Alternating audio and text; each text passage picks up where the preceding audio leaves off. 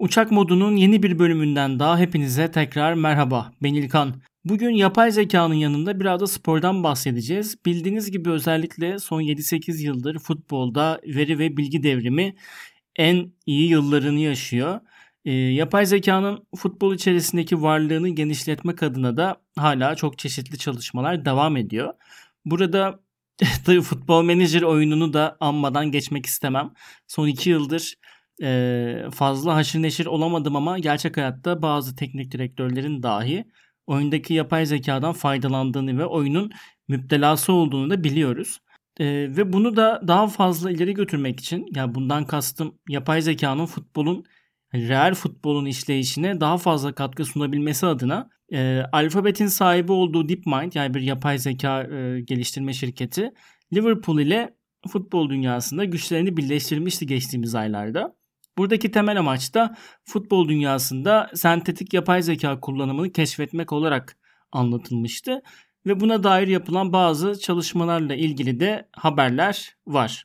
Son zamanlarda e, her oyuncunun ve özellikle de topun hareketini izlemek için çok çeşitli sensörler, GPS izleyiciler ve ileri görüşlü algoritmalar kullanılarak futbola dair oyunun içerisinde direkt olarak hani bakıp analiz edilebilecek erişilebilir bilgi miktarı çok fazla arttı son yıllarda. Ve bu çalışmanın sonuçlarından biri de şu.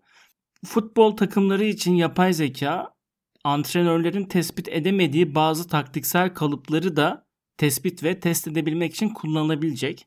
Elbette burada hani sonuçta işin içerisinde bir insan faktörü var. Yani insan dediğimiz şey programlanamaz. Bir teknik direktör ona talimat ver, verebilir ama verse de o anki ruh durumuna bağlı olarak tam tersi şey de yapabilir. Sağa şu çekecek çekeceğine sola çekebilir. İşte e, sol kanattan koşacağına sağdan koşabilir. Bunlar tamamen insana göre değişken bir şey aslında. E, oyunun içerisinde temel bir taktik olsa da.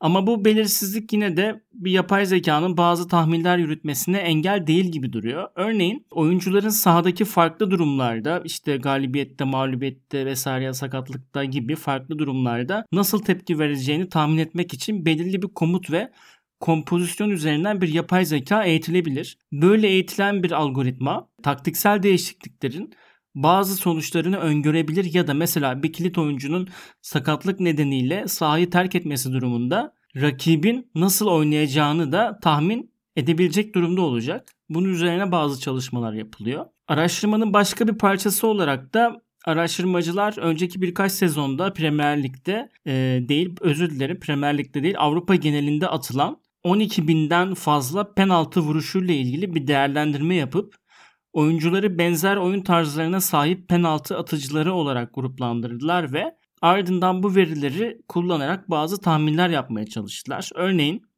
forvet oyuncuları ile ilgili şöyle bir sonuç ortaya çıkıyor. Sol alt köşeye şut çekmeye orta saha oyuncularına göre çok daha fazla eğilimler gibi bir ilginç bir sonuç bunlardan biri. Tabi buradaki çalışmanın amacı teknik direktörlerin yerini almak değil, ek bir araç ya da bir e, veri kümesi oluşturmak. Ayrıca şöyle bir durum da var çünkü. Algoritmanın da sindirmesi gereken çok büyük miktarda veri var. Yani sadece bir oyunun içerisinde binlerce yani sadece tek bir maçın içerisinde binlerce veri var işlenmesi gereken ve algoritmanın dahi bu tür verileri işlemesi her zaman çok da basit olamıyor. Çok da kolay olamıyor. Bu yüzden burada sadece yardımcı teknoloji yaratmak üzerinde yoğunlaşılıyor bir yerini alması yerine temel amaç aslında sahadaki bir oyuncuyla iyi bir şekilde bütünleşen ve onun da işini kolaylaştırabilen bir sisteme sahip olmak. Ee, Tabi spor içerisinde yapay zekanın işte big data'nın çok fazla kullanılıyor olması sadece futbolda değil özellikle basketbol için de çok fazla eleştiriliyor. Çünkü bu kadar verinin, istatistiğin oyunun biraz insancıl yanını kırdığını ve oyunu mekanikleştirdiği yönünde birçok eleştiri var. Ee, siz de bununla ilgili neler düşündüğünüzü twitter.com slash uçakmodupodcast ya da uçakmodupodcast.gmail.com'a atarsanız karşılıklı olarak fikir alışverişlerinde de bulunabiliriz diyeyim ve uçak modunun bu bölümünün sonuna gelmiş olalım. Bence sporda yapay zeka kullanımı e, çok ilginç bir konu ve önümüzdeki günlerde çok daha fazla, çok daha geniş ve ayrıntılı e, çalışmalar ve raporlar da önümüze gelecek.